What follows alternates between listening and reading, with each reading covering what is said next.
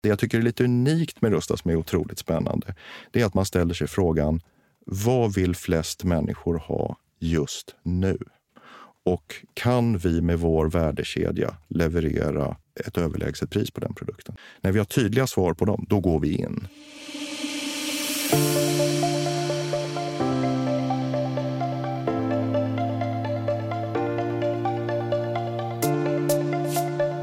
Hej och välkommen till Detaljhandelspodden avsnitt nummer 56. Och vi som pratar är som vanligt Jonas Arnberg och Magnus Olsson. Och oj vad vi har pratat fysisk lågprishandel genom avsnitten. Men äsch vad dåligt med gäster vi har haft på det här temat.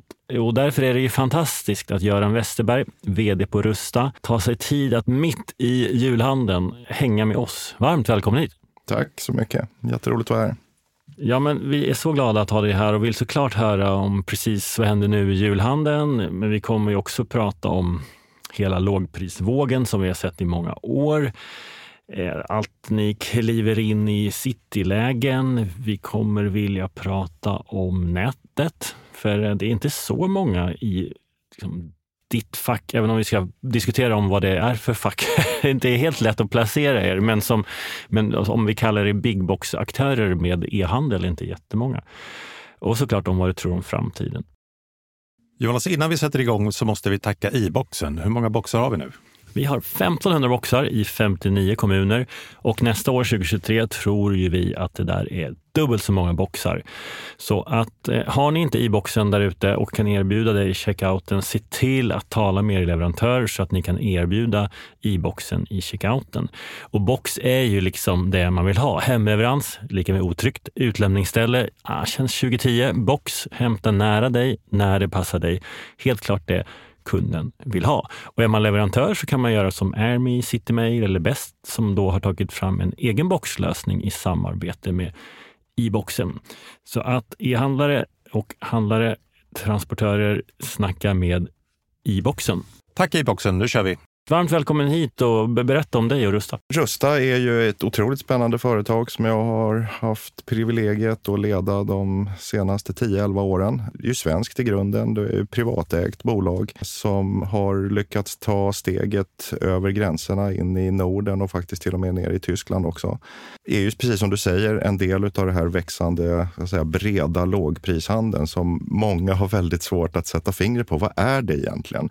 Vi hamnar ju oftast i jättemånga konstiga kategorier som bygghandel eller eh, elektronikhandel och så vidare. Men, men ja, sanningen är att det är väldigt bred lågprishandel. Vi, eh, ska, vi börja, ska vi börja ta avstamp mitt i jul? Vi spelar in nu dagen före Lucia och vi är såklart ödmjuka att du ens är här och tar dig tid för oss. Ehm, kan vi börja med det viktigaste? Blir det rekord i år igen, i årets julhandel?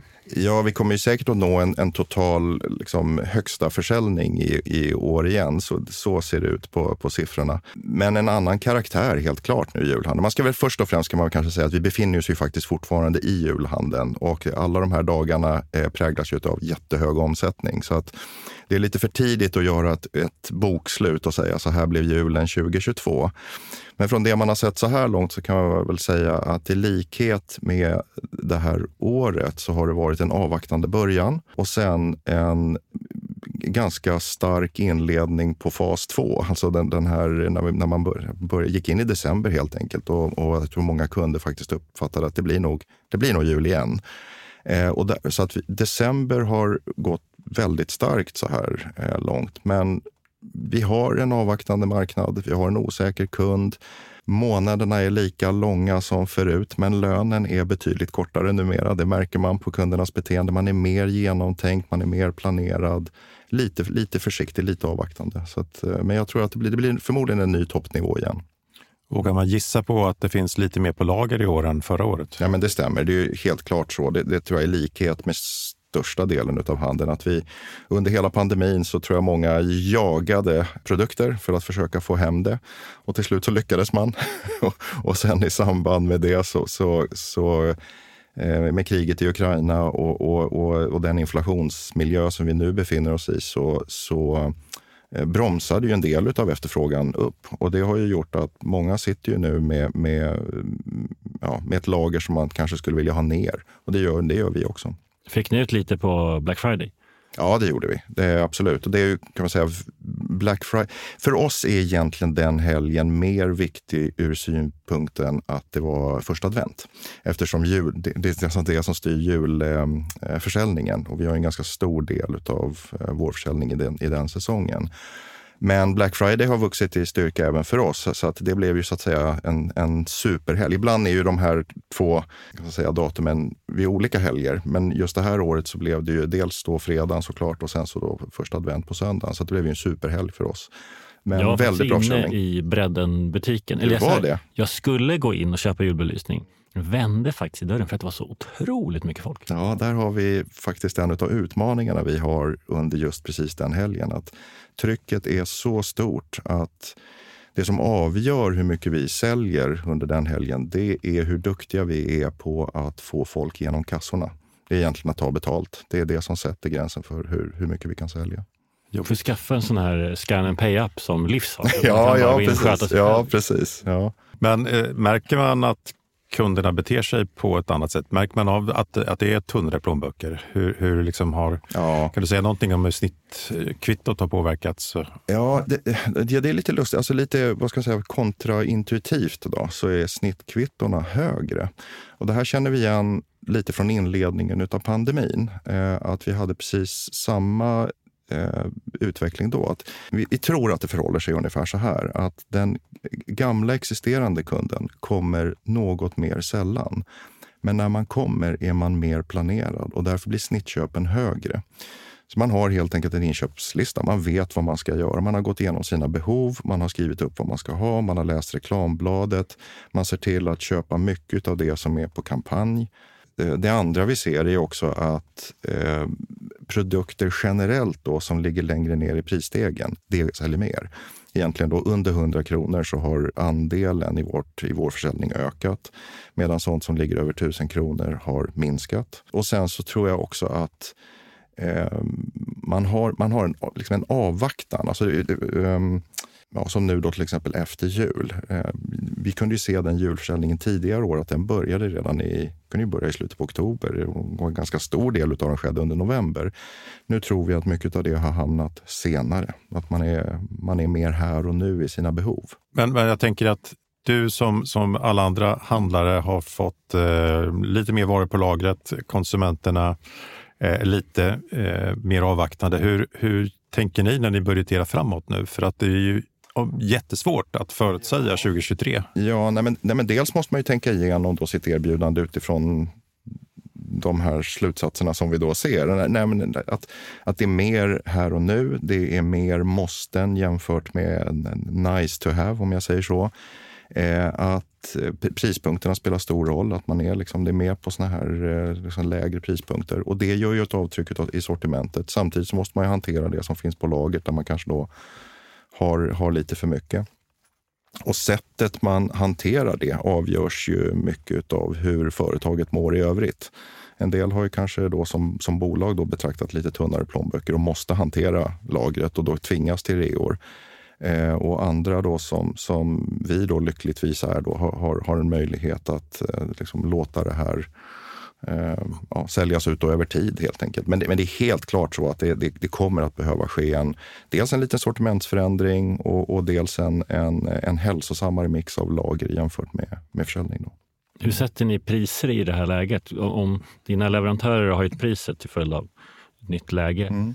Eh, hänger du med? Gör, gör som ICA och gänget att det är 17 procent upp? Liksom? Eller, eller tänker du att nu, håller vi, nu tar, har vi lite av vår marginal istället? Alltså skillnaden mellan oss då, till exempel en spelare som, som ICA är ju att vi, vi har ju en låg prisposition som är väldigt, väldigt viktig för oss. Så, att, så att I vår värld så är det ju inte riktigt så enkelt utan eh, i vårt kundlöfte så, så, så ligger det här med att vi ska ha, vi ska ha de lägsta priserna på jämförbar produkt. Eh, sen flyttas ju hela marknaden. Prispunkterna på hela marknaden flyttar ju upp och det betyder att det finns ett utrymme för oss att i viss mån då flytta efter. Men att kunna vältra över allt det här på kunden, det, det, det, är, det är svårt när man ska kombinera det med den här typen av prislöfte. Vi ska prata lite om synen på lågprissortiment eller lågprissegmentet. Eh, för det, vi har pratat om det mycket i den här podden och efter många år av tillväxt. Man pratar ju ofta väldigt mycket om e-handeln. Sannolikt är ju budgethandeln lika stor som e-handelns hela omsättning. Lite beroende på hur man definierar och så Men, men eh, och den här tillväxten nu som ju har fyllt upp handelsområden och köpcentrum med nya typer av lågprisaktörer. Vad, vad händer när vi går in i ett svagare konsumtionsklimat? Blir det ännu högre tryck eller börjar vi bli mätta på lågpris? Jag tror inte att vi är mätta än. Utan jag, jag, jag tror att lågprishandeln som andel utav, om du pratar Sverige, utav den totala handeln här är, är, är mindre faktiskt än vad vi, vad vi kan se i en del andra större eh, länder. Så att jag tror att den, får, den trenden, får, den här egentligen polariseringen mellan lyx och budget, den, den har pågått under väldigt lång tid. Men jag tror att vi kommer att se att den fortsätter under ganska lång tid. Eh, vad e-handeln har gjort är väl egentligen att den har exponerat skillnaden mellan ett, ett, ett lyxkoncept och, och, och, och ett lågbudgetprocess ännu mer. Alltså transparensen har ökat. Kunden har ju fått tillgång till mycket mer prisinformation och kan jämföra oändligt mycket mer effektivt idag än vad man kanske kunde göra för, för, för 10, 15, 20 år sedan. Så att eh, jag, har, jag har svårt att se att eh, vi nu skulle ha nått något slags eh, max. Sen eh, tycker jag det är intressant att titta på olika segment inom lågpris. För att det är lätt att klumpa ihop alla eh, under samma, liksom, i samma position. Men jag driver tesen att det finns åtminstone tre lågprispositioner där en är en, en, det som man skulle kunna kalla för budget med, med väldigt avskalade koncept. Jag tänker Biltema, ÖoB, Lidl. En ganska ruff butiksupplevelse. Sen har vi det jag kallar för skattjaktspositionen, där, där, dit man går för att eh, handla saker och ting som man inte vet att man behöver. Jag tänker Normal, eh, Åhléns Outlet till exempel. Man vet inte riktigt vad man har, fast man kan vara ganska säker på att man hittar någonting. Och sen den positionen som jag påstår att ni tillhör, det är Smart Buy. Och det är egentligen ett ett mer utvecklat koncept som ni delar tillsammans med Stadium Outlet eh, med lager 157 där man håller en, en låg prisbild. Men man vet vad ni har och eh, man har också blivit duktig på inom vissa kategorier. Så att man vet att ni har grejer för hemmet. Eh, och man kan köpa samma sak om och om igen, vilket gör att man skapar trafik. Mm, ja, men det är en jättespännande analys tycker jag. För att lite det vi, om man, om man, tar, man börjar då med att så här, bena ut lite grann detaljhandeln. Så att de allra flesta, enligt min sätt att se på det då, de allra flesta detaljhandelskoncept som existerar idag är specialister. Vi har Ikea för möbler, vi har Ica för mat. Det, det, det, eh, liksom, det, det, det är, man har gått in på ett område. Mode, bilar, elektronik och så vidare. Rusta passar ju inte ramen som vi var inne här på lite tidigare i och med att vi har väldigt mycket av väldigt många olika produktkategorier. Eh, I det så försöker vi faktiskt, så som vi tänker, adressera åtminstone två av de här eh, eh, kategorierna som du pratar Dels det som du säger, smart buy, alltså att vi har ett destinationstänk. Att vi har ett antal kategorier, hälsa och skönhet, heminredning, eh, gör det själv och så vidare, där vi under lång tid har byggt upp stora volymer och en bra eh, eh, pris produktposition. Kunderna vet att man kommer dit. Men den lustfyllda jakten på fynd, det oväntade, det där som finns i nuet, den nya trenden eller eh, kanske varumärket på, på den där köksattiraljen som jag helt plötsligt hittar för halva priset på Rusta. Den delen av vårt koncept är jätteviktig också, för det, det, det är den som eh, det är den som sätter leendet på kunden. Det som gör att det blir en snackis. Att jag, gärna, jag, kanske, jag kanske skryter lite extra till, till mina grannar för att jag hittade just den här till det här fantastiska priset.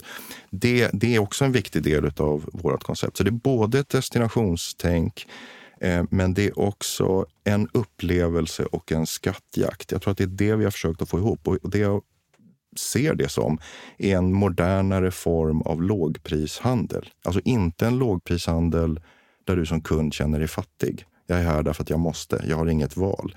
Utan jag väljer att komma hit. Trots att jag kanske har till och med råd att gå någon annanstans så är Rusta kul, lättillgängligt, jag förstår vad jag ska handla, jag kan vara planerad och jag kan fylla väldigt många olika syften under ett möte. Hela lågprishandeln är väl i någon form av transformation i hur kunden ser på det. Om man jämför med så här begagnat handeln, när, när vi hade gula tidningen så var det ju, kändes det lite så här halvsunkigt att köpa begagnat. I alla fall i en del kategorier, medan det idag är smart.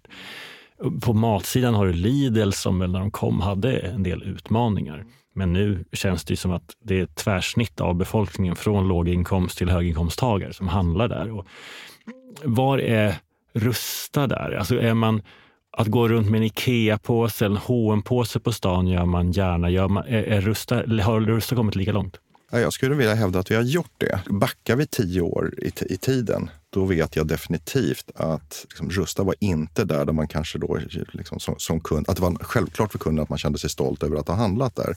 Och det tog vi fasta på då och jobbade väldigt organiserat mot att ta oss till en plats där det skulle bli okej okay för fler. Tittar man på statistiken nu, vi har ju Orvesto-data eh, där vi ser nu att ungefär 6,1-6,2 miljoner individer i Sverige, alltså personer, handlar på Rusta en gång om året eller oftare. Det är bra. Alltså. Och det är en fruktansvärd penetration. Och det här, det här är en grupp då som sen vi startade de här undersökningarna 2012 så har det här ökat med ungefär 100, ibland 150 000 människor varje år. Tittar man dels på det, att, det här, att, vi, att den här räckvidden, då, då, då, inser vi ju att vi, vi når väldigt många fler än bara prisjägarna. Utan vi är en bra bit upp i inkomstgrupperna. Eh, vi ser också att frekvensen ökar. Eh, de som handlar en gång om året går till de som handlar en gång i kvartalet till en gång i månaden. Så att vi har ju över en miljon individer i Sverige som handlar på Rusta en gång i månaden eller oftare. Med det då lite grann som avstamp så skulle jag vilja hävda att vi har i alla fall delvis lyckats med att gå från, eh, vad ska jag säga, bara de som av ekonomiska skäl måste handla på lågprishandel till att vi har gått till att bli kanske lite mer av ett hushålls, liksom en hushållsdestination. Man går dit helt enkelt. Det är en del av, det är en del av livet. Och ultimata beviset på det är ju att ni flyttade in bredvid NK här om ja, året. Just det. Även om ja. vi förstår att det är ett rivningskontrakt och att det nu stänger. Men kan, kan du inte berätta om vad, hur tänkte ni? Ja, det var jätteroligt. Jag blev uppringd eh, utav en fastighetsägare som hade då det här rivningskontraktet. Eh, det vill säga det är en fastighet som, som så att säga fanns tillgänglig men som befann sig då i en, i en, en process där man skulle, man skulle bygga om helt enkelt den här byggnaden som låg vägg i vägg med NK. Det är då man som fastighetsägare vågar experimentera, ja, när man liksom ja, lätt kan bli av med någon. ja. Eh, och det tyckte jag lät jättespännande såklart. Eh, inte bara på grund av adressen utan på grund av att vi, vi, eh, vi under ganska lång tid faktiskt gärna har velat komma åt innerstadskunden.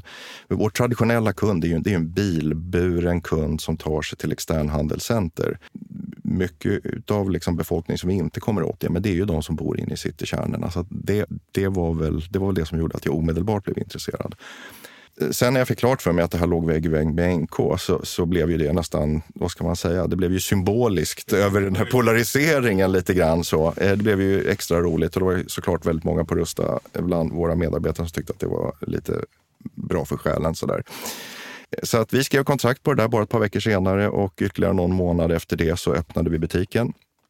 Och eh, det blev ju, det blev ju en strålande succé. Vi hade 700-800 meter kö från då Regeringsgatan 42 som det där låg på, runt och ner hörnet, nästan hela vägen ner till Norrlandsgatan. Eh, och det var ju fantastiskt att se att det som har varit sant under alla år på externhandelscentrum, nämligen att när vi öppnar, ja då vallfärdar folk dit. Att det kunde hända bredvid NK mitt i stan. Det var ju, ja, det var ju smått otroligt faktiskt att bevittna det. Eh, det roliga var att eh, precis i början så kan man väl säga att NK eh, inte, kanske inte var jätteglada över att vi hamnade precis bredvid dem. Där. Så det var lätt att uppfatta situationen så i alla fall på den, med den eh, meningsutbyte meningsutbytet som vi hade då. Men ja, det där lugnade ner sig därför att som vi förstod det så hade de några av de, deras bästa eh, eh, besökarantal när vi öppnade. Så att det betyder ju att vi, vi kan ju faktiskt eh, fungera väldigt väl i symbios. Vi, vi är generellt väldigt duktiga på att driva trafik och det brukar smitta av sig till de handelsområden och de grannar som vi har där. Så att lyx och budget kan nog faktiskt vara goda grannar. Det där ser man ju också, inte riktigt perfekt liknelse, men Mall of Scandinavia som inledningsvis hade en ambition om att ha, eller inledningsvis hade mer premium och, in, och en tanke om att inte ha budget. För att sen nu, vad kan det vara, nu har det funnits i sex år typ, eh, ha ganska mycket. Ni är inte där, men du har Decathlon. Du har, i, i, I många delar har, har lågprishandeln flyttat in och det är man nu, nu helt okej okay med. För det skapar väl dels en intäkt och inte minst trafik. Så är det. Vi finns ju inte i just Mall of Scandinavia, men vi, vi finns ju ett antal eh, gallerier. Vi finns i Täby centrum, vi finns i Kista i Galleria och eh, i Solna centrum. Faktiskt ganska roligt, för det var ju samma då eh, fastighetsägare till Solna och eh, Mall of Scandinavia när, när vi öppnade i, i Solna. Och eh, Solna centrum, det är ett litet centrum. Eh, eh, men eh, vi, vi, öppnade där eh, och öppningshelgen torsdagen till söndagen där så lyckades vi med vår trafik att överträffa besöksantalet i Mall of Scandinavia. Vilket ju var helt fantastiskt. Och det, och det här bekräftade även då eh, våra, våra fastighetsägare där som, som vi, vi hyrde utav. Eh, och det var till och med så att vi hade så mycket köer att vi fick stänga insläppet till kön en timme innan eh, Solna centrum skulle stänga därför att vakterna var oroliga för att vi inte skulle få ut folk helt enkelt.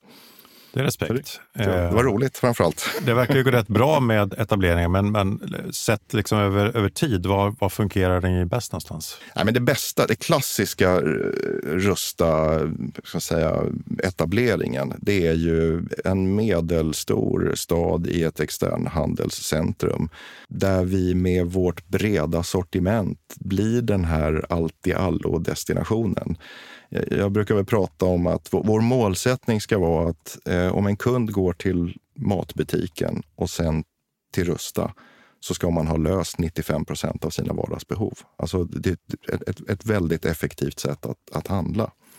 Eh, så att vi, vi mår ju oftast väldigt bra när vi hamnar med eh, andra, till exempel matbutiker, som ju också är duktiga på att driva trafik och gärna då i, i lågprissegmentet. Det, det är en väldigt god granne till oss. Och, och köpcentrum då? Vi, vi, du berättade om några du är inne i, men framförallt är det ju mer handelsområden eller i, i fristående lägen du är inne i. Men, men vad tycker du om köpcentrum?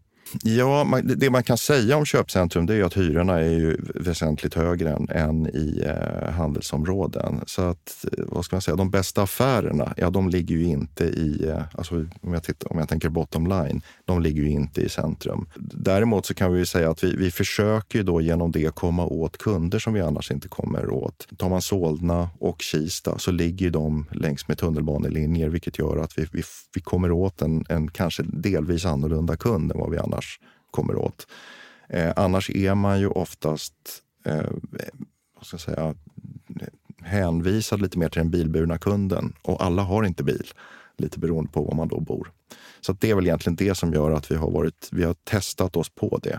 Men jag, men jag tror ändå att bulken av Rustas eh, etableringar och butiker framöver, det, det kommer att handla om big box-koncept i, i eh, externhandelslägen. Det kommer, det kommer inte att bygga på eh, gallerietableringar. Och ni har 195 stycken nu. Det är respekt. Ja, precis. Det gäller ju att ha koll där, för det går ju så fort. Men jo, det stämmer. 195 stycken är det nu. Även idag? Även idag, ja precis. Men var, var kommer de, eh, vart ska ni? Liksom?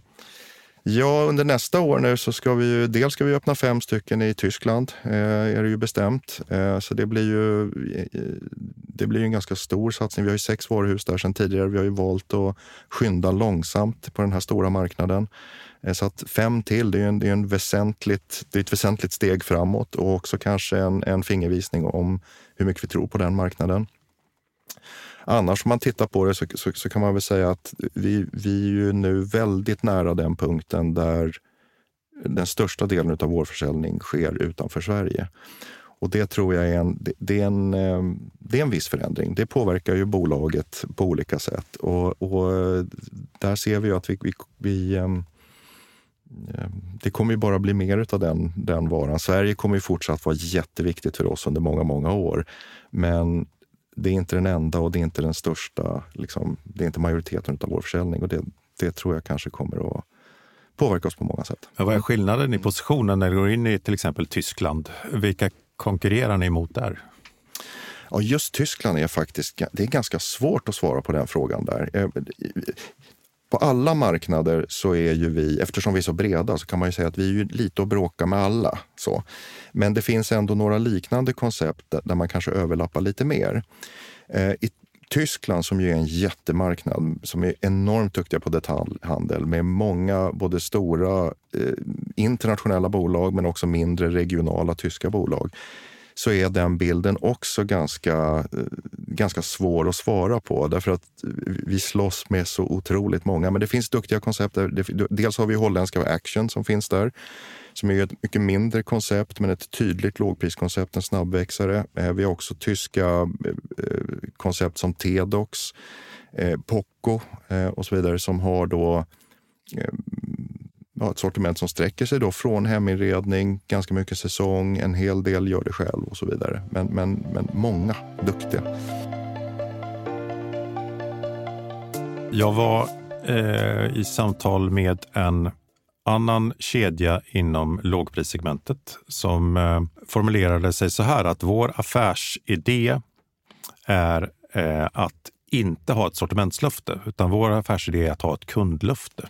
Tittar man på, på er utifrån, med tanke på att ni som du säger också konkurrerar med alla, eh, hur, har ni samma tanke? Ja, alltså vi, vi har inte ett sortimentslöfte i den meningen att vi säger att vi kommer alltid att sälja den ena eller den andra varan.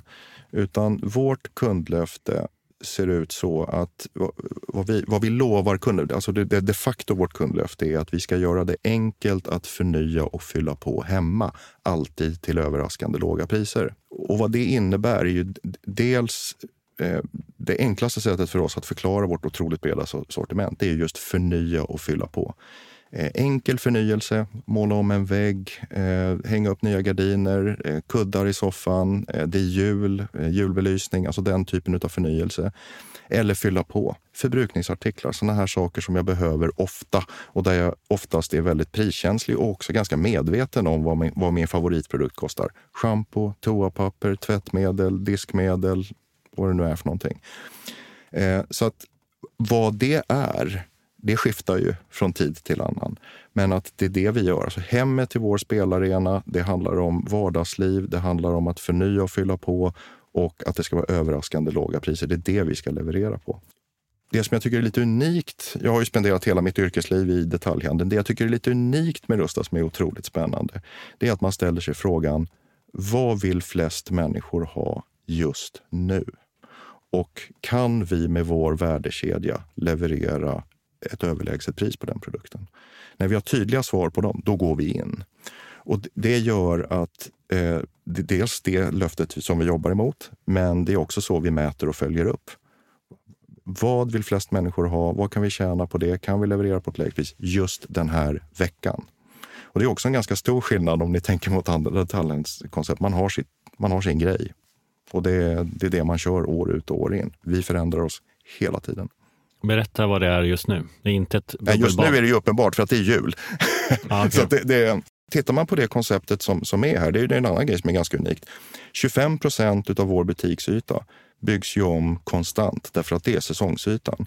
Kommer man in i ett varuhus just nu, ja då är det jul eh, på eh, 200-240 kvadratmeter i varuhusen.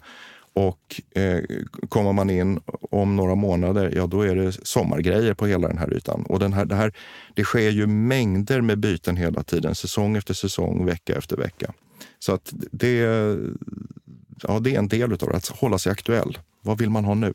Eh, nej, men, nej, men tar man annars, alltså, om, man, om man kliver vid sidan av säsongen så är väl eh, kanske behoven just nu att spara pengar på sånt jag måste ha. Det vill säga väldigt mycket förbrukningsartiklar.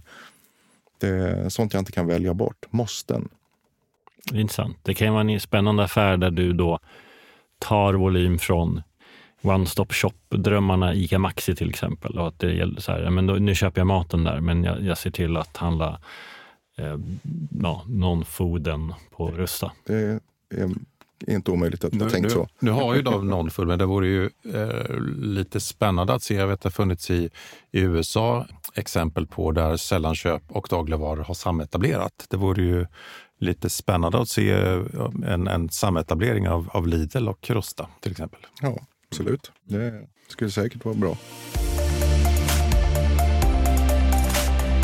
Det blev en stor nyhet när Rusta väl gick in på e-handeln och mm. många förutspådde att nu så kommer man att lägga ner sina varuhussatsningar och köra all in online, för det är det som gäller i framtiden. Hur, eh, hur går det på den fronten? Ja, alltså först lite då historiebeskrivning. Jag tror att vi, vi var ju rätt tveksamma faktiskt till om vi överhuvudtaget skulle gå in eh, på e-handeln. Du tror inte på internet?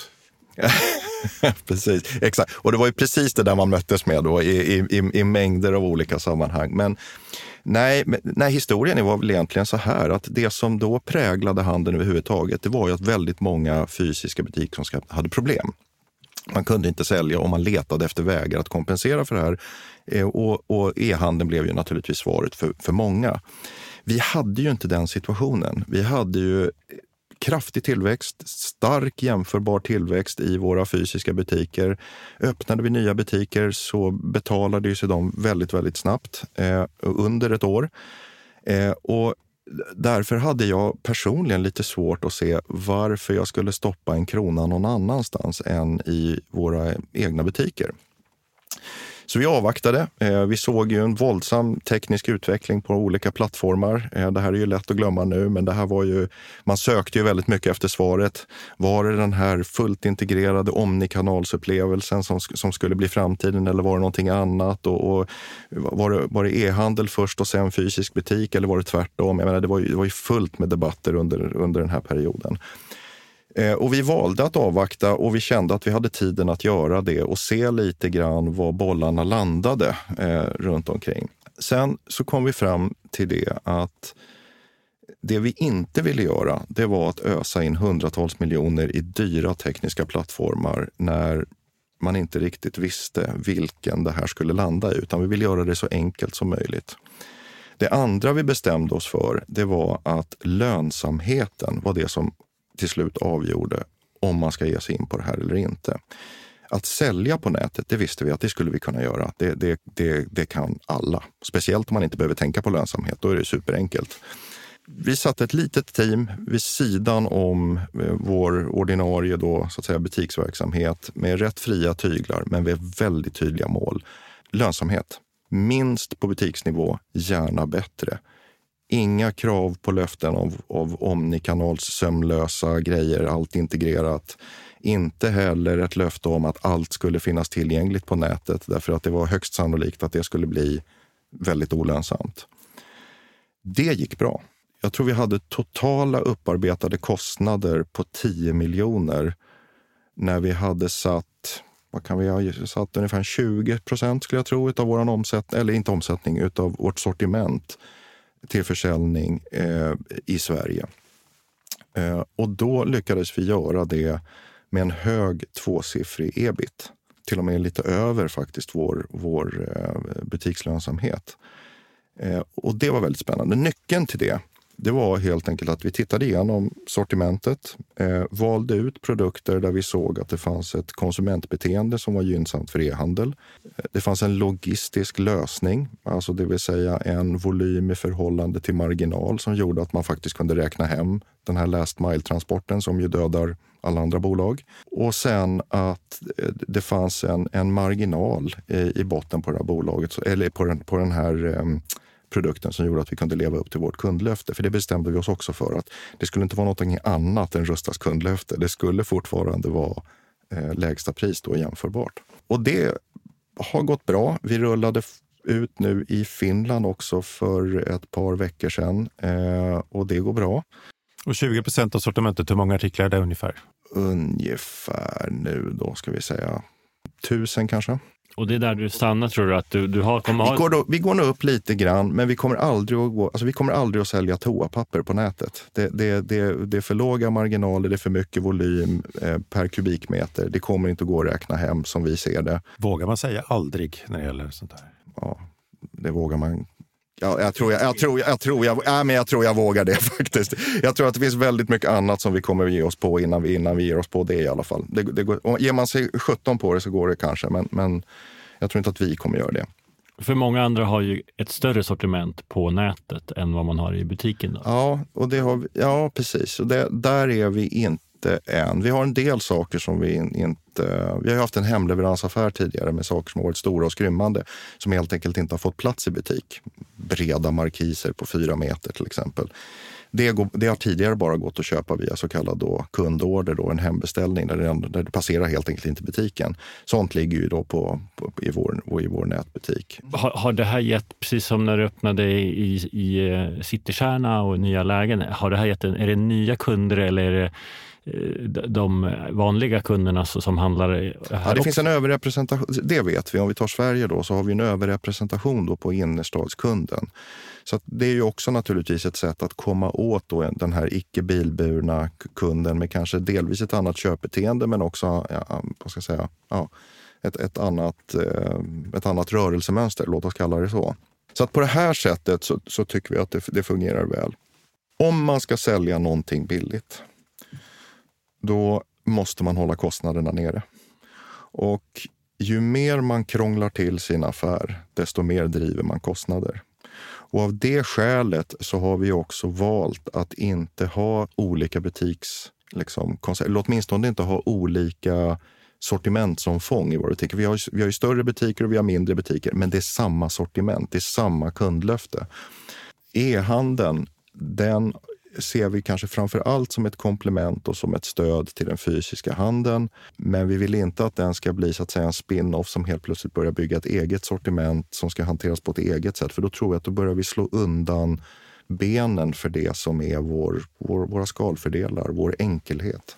Och så tycks ju dina eh, goda grannar i handelsområdena också tänka. Alltså det, det är inte så många big box-aktörer eller lågprisaktörer som har e-handel. Nej, och det, det, är väl egentligen en... Eh, det är många som liksom kanske sprang in i det här, men jag, jag tror ändå att ekonomiska fundamenta till slut alltid vinner.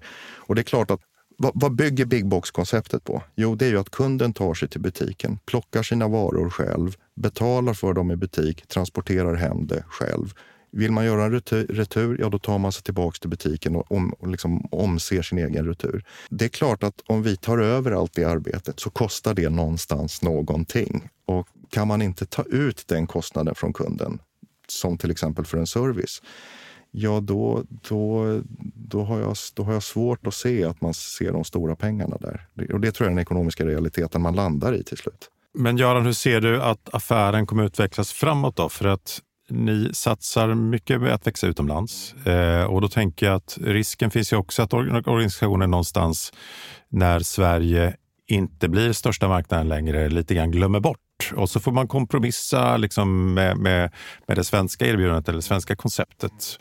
Eh, du har någonstans förr eller senare också etablerat färdigt i ditt normala koncept. Finns det någon punkt där du tror att ni kommer göra någonting konceptuellt som liksom... Det hoppas jag.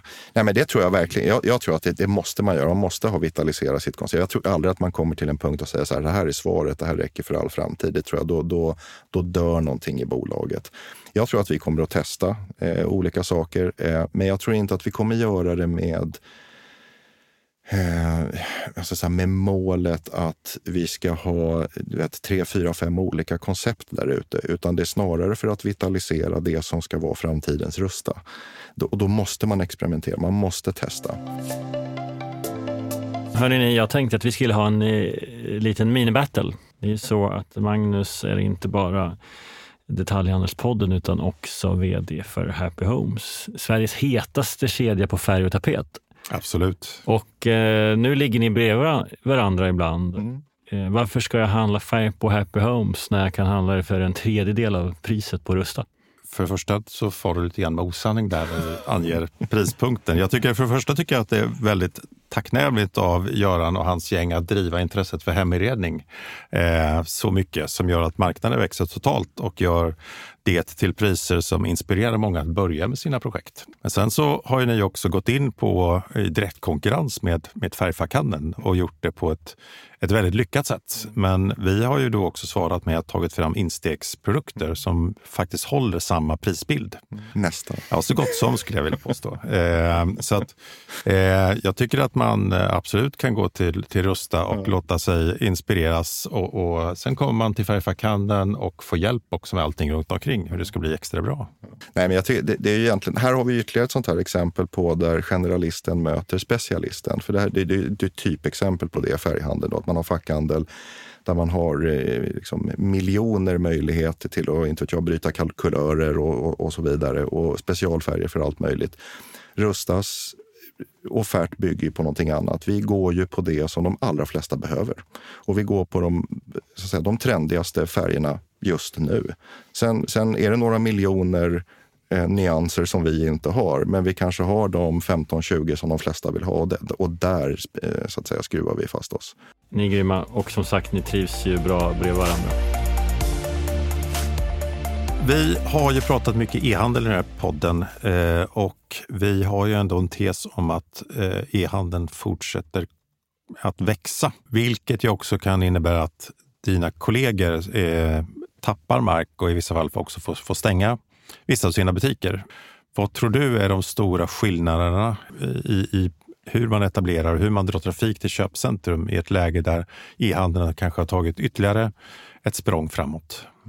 Alltså just, nu, just nu så är det inte riktigt det man ser, att, att e-handeln vinner ny mark och att fysiskt backar. Utan, du tänker som kunden nu, här och nu? Ja, men lite, ja, men dels om man tittar på det nu. Jag tror, jag tror att pandemin eh, drev ju på e-handeln ganska mycket. En del av det bottnar kanske inte kundbeteendet i riktigt, utan igen då, jag, jag tror ju väldigt mycket på ekonomisk fundamenta och i en tid där ganska många människor har haft gott om tid och också ganska gott om pengar därför att man inte har rest eller man har inte, man har inte gjort av med pengar på det man brukade.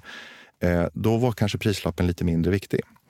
Men den miljö som vi nu återigen börjar befinna oss i, där prislappen är sjukt billig, ja, det betyder att man jämför väldigt mycket. Och då tror jag faktiskt att eh, liksom effektiv eh, fysisk varuhandel slår e-handeln. Eh, så det ska jag säga, det, det, är nog mitt exhibit A. Sådär, att, att jag tror ändå att det, det gör ändå att liksom, fysisk eh, handel kommer att fortsätta vara ganska livskraftig. I alla fall de som gör ett bra jobb och som har en tydlig position. Men jag tänker att, att eh, eh vi har ju sett butiksdöd och vi har sett att butiker har slagit igen, vilket gör att det, en del djupa sår i flera köpcentrum. Eh, man tänker sig att det finns vissa kategorier i alla fall som kommer att fortsätta att, att behöva stänga butiker, till exempel mode. Hur, hur gör det för mixen liksom i köpcentrum och, och vad, hur påverkar det möjligheten att dra trafik? Alltså jag tror ju kanske då tyvärr för vissa då att det är ju, det är ju de, många av de här koncepten som har otydliga positioner. Man är varken eller. Och, och jag tror också att det är en stor del av specialisthandeln där det bara finns plats för de som är riktigt duktiga. Det är de som kommer att vara kvar. Eh, sen är det nog så att eh, mat kommer att finnas kvar för alla kommer att vakna upp varje morgon och vara hungriga. Det, det, det finns ett behov av det. Och sen tror jag just det här med att eh, vad ska jag säga, lojaliteten till en viss kanal sjunker i takt med att plånboken blir tunnare. Och det bör spela generalister eh, i händerna och speciellt om du har en tydlig lågprisposition. Så mycket möjligt att det är så att det blir kanske ett lite tunnare urval i, i eh, eh nu, nu, tänker jag högt, men ett lite tunnare urval i de här eh, handelsområdena. Men för, för egen del så, så ser jag inte ett stort hot. Jag, jag, tror att vi kommer att ha ganska bra framdrift även i de här eh, områdena. Det har lite grann att göra också med hur kunder värdesätter sin egen tid. Alltså ju bekvämare man är, desto mer prissätter jag min egen tid. Min tid är värd jättemycket, alltså kan jag lägga pengar på bekvämlighet, få grejerna hemtransporterade. Men i en sån här miljö, ja då tänker jag ju, när jag ändå är på väg till jobbet eller mathandeln, då, då är jag mer genomtänkt och så, gör, och så, så säga, uppfyller jag fler behov samtidigt. Eh, och det gör att jag tror att det finns en livskraft ändå vid de här knutpunkterna. Vi har ju sett under de senaste åren så är ju e-handel och lågpris är två kanaler eller segment som ju har utklassat eh, tillväxten för genomsnittet. Vilken tror du kommer ha växt eh, snabbast de närmsta fem åren? Ja, det är svårt. Det är jättesvårt att säga. Men, men jag, jag, kan väl säga så att jag tror att båda kommer att växa. Eh, och där jag känner mig mest trygg med att lönsamheten finns kvar, det är väl ändå, tror jag, lågprishandeln. Eh, sen, sen, sen, om man tittar på Ja, men om man går ut lite utanför då. I, i, i Sverige här så, så, så, finns ju, vi har ju nämnt ett antal. Det, fin, det finns ett ÖB, det finns ett Dollarstore, det finns ett Normal och det finns en, alla är lite olika. Men det är många som är liksom säga, delvis i alla fall på samma arena. Eh, finns det plats kvar? Ja, jag tror det. För tittar man då i våra grannländer i, i, i Finland och Norge till exempel så har man ju då också lågpriskoncept där. Eh, där vart och ett av dem är större än något av de koncepten som finns här. I finska Tokmanni till exempel omsätter ensamt över 10 miljarder med ett par hundra eh, butiker i, på en marknad med ungefär halva befolkningen där var och en av invånarna har lägre köpkraft än i Sverige. Och de fortsätter att växa och etablera.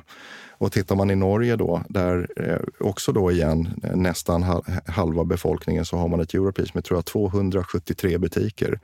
Eh, och de ser fortfarande möjligheter att öka. Och sen finns vi där och så finns en massa andra koncept. Så att om de två sakerna är, är, är sanna, ja då, då tror jag inte att vi har nått full etablering här i, här i Sverige heller. Det tror inte jag heller. Det är ett väldigt intressant svar, för det innebär ju att om vi tittar på nätet så tror vi att det kommer att fortsätta att ta andelar. Men det kommer vara färre och större aktörer. Ja. Den tiden som har varit har väldigt tydligt att det blir dyrt. Och, konkurrensen är enorm. Det är dyrt med Google, det är dyrt att synas och syns du inte så finns du inte. Så att e-handeln kommer växa, men med färre aktörer. Medan lågpris fortfarande är inne i en fas där man växer och det blir fler aktörer. Än så länge springer ni liksom alla tillsammans och kör high five till banken för att ni äter av den andra marknaden. Ni har inte kommit till det läge där lågpris konkurrerar med varandra än. Kom. Ja, lite, men det, jag tror också handlar om att eh, lågprismarknaden kommer att bli mer eh, kommer finnas olika tydliga delpositioner i lågpris. Eh, och, och eh, till exempel de som vi nämnde innan med Smart Buy och budget och så vidare, skattjakt. Eh, eller om man har flera, eh, om man inte röstar. Eh, men att, att det är ju, det är ju det är inte samma sak att gå och handla på normal som att gå och handla på Jula, även om båda är lågpris. Det finns ju en annan viktig skillnad också, det måste man också säga. Alltså tillväxten är en grej och storleken på affären är en grej. Men det är också hur det ser ut på sista raden. Och där skulle jag också vilja hävda att det finns en skillnad. Att lågprishandeln generellt mår mycket bättre rent lönsamhetsmässigt jämfört med många, i alla fall e-handelsbolag. Och sen är det också så att tittar man, tittar man på de senaste åren hur det, hur det har sett ut så har det ju funnits oerhört gott om riskkapital till ett väldigt lågt pris som har pumpats in i väldigt många av de här e-handelsbolagen.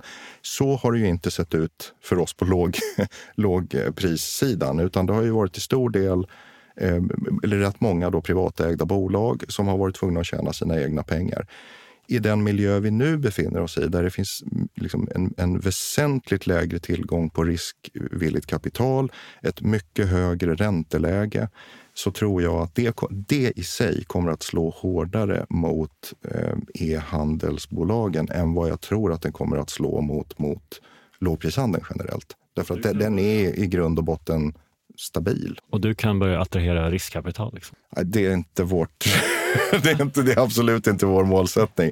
Men det är klart att man, vi, vi har ju ändå betraktat det här lite grann. Att man, man, eh, man, man har inte haft en, nej, ja. nej, man har inte haft en bra bottom line och inte heller egentligen last mile-företagen.